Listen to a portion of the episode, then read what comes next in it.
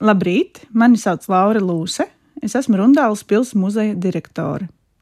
Vai zināt, kur ir lielākā šogad atvērtā mākslas galerija Eiropā? 29. jūnijā apmeklētājiem tika atvērta karalisko kolekciju galerija Madridē, kurā skatāmi pēdējo piecu gadsimtu laikā Spānijas karaļinam uzkrātie mākslas darbi. Spānijā karaliskās mākslas kolekcijas un arhitektūra kopš otrās republikas laika ir valsts īpašums, un par tā saglabāšanu rūpējās Patrimonio Nacional, ko latviešu varētu dēvēt par Nacionālā mantojuma biroju. Mākslas kolekcijas veido gandrīz 170 tūkstošu mākslas darbu, kurus Spānijas karaļi pasūtīja izcilākajiem savu laiku Eiropas māksliniekiem, lai caur mākslu un kolekcijas požumu demonstrētu varu, sociālo statusu un dinastijas bagātības. Lielākā veiksme ir tā, ka šīs mākslas vērtības ir saglabājušās Spānijā, bet tikai maza daļa bija pieejama publiskai apskatei. Ideja par karaliskās mākslas galerijas nepieciešamību Spānijā pastāvēja jau kopš 1930. gadiem, bet tās īstenošanai traucēja gan pilsoņu karš, gan tā radītās ekonomiskās sekas. Tāpēc līdz brīdim, kad 1997. gadā plašāk nezināmajā Spānijas dienvidu pilsētiņā Bilbao tika atvērta Guggenheim muzeja filiāli, kas radīja to, ko mēs šobrīd dēvējam par Bilbao efektu, Priekšlikums par nacionālā mantojuma vērtību izrādīšanu valdībā pat netika nopietni apspriests. Redzot to, kā kvalitatīva modernā arhitektūra kopā ar vērtīgu kultūras saturu spēja rosināt sabiedrības interesi un pat masu turismu pieplūdumu, 1998. gadā tika pieņemts lēmums par karalisko kolekciju galerijas būvi.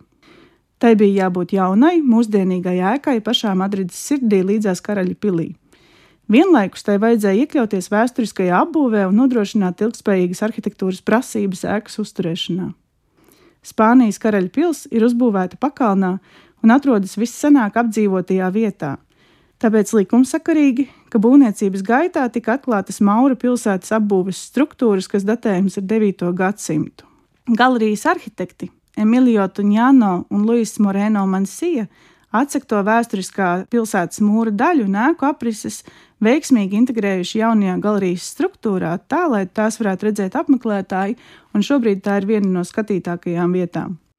Astoņas stāvas augstā ēka piekļaujas pakalnam, un pateicoties akmens bloku dalījumam un fasādē uzsvērtajai vertikalitātei, tā gandrīz nolasās kā klints struktūra un vienlaikus arī piedāvā līdz šim nebijušu skatu perspektīvu uz Casa de Campo parku, Ēkas būvniecībā ir izmantots tas pats granīts, no kā arhitekts Francesco Sabatīni 18. gadsimtā būvēja blakus esošo karaļa pili.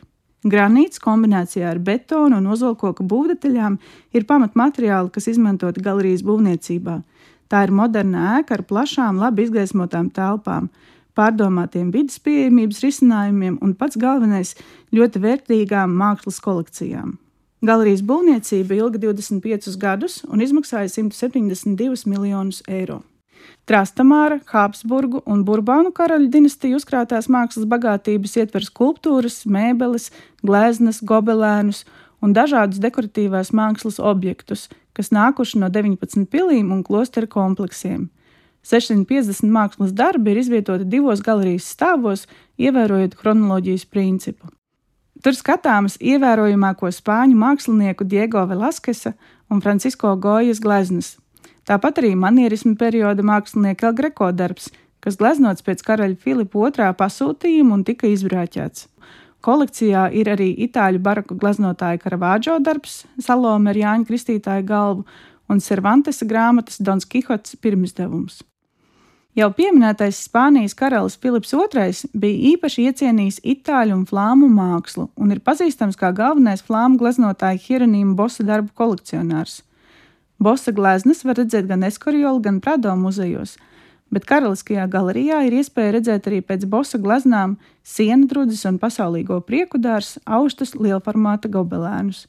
Zinot to, cik sarežģīta, laikietilpīga un dārga bija gobelēna aušana 16. gadsimtā, karaļa pasūtījums Briseles Brabanta manufaktūrā apliecina viņa patieso aizrautību ar bosa apakaliptisko stilu. Daži mākslas darbi publiskajai apskatē ir izlikti pirmo reizi.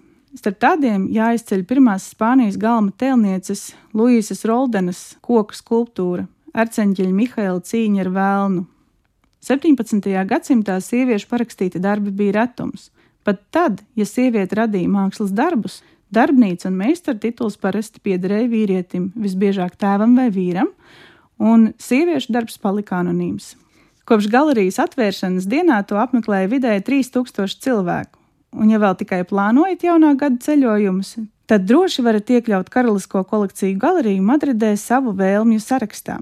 Tas ir vēl viens veiksmīgs piemērs mākslas un kultūras spējai piesaistīt cilvēkus. Atskatoties spāņu pieredzē un vēlmē parādīt publiski neredzamo mantojumu daļu plašākai sabiedrībai, saskatu līdzības ar laikmatīgās mākslas muzeju Latvijā.